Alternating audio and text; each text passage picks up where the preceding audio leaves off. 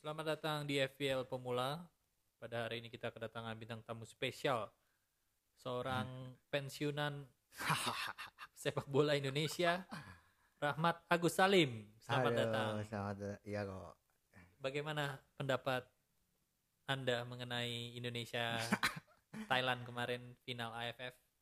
Aduh, eh, kecewa sih. Tapi kalau lihat dari permainan pas dari kemarin-kemarinnya udah udah nyangka sih sebenarnya. Udah nyangka bakal Hmm. nggak juara. Iya.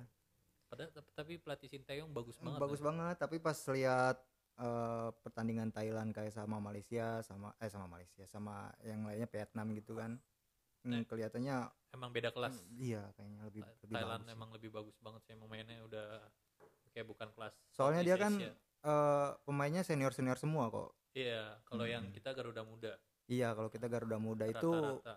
pemain yang dari Thailand kan pernah ngadepin apa pemain-pemain Indonesia yang seniornya yang kemarin yang tahun-tahun kemarin gitu kan Iya, AFF sebelumnya. Iya, EPS sebelumnya gitu Ya tapi patut diacungi jempol lah ya usaha Garuda Muda buat sampai final iya bagus banget sih itu permainannya juga udah lumayan oke cuma pas di final kayak orang deg-degan ya.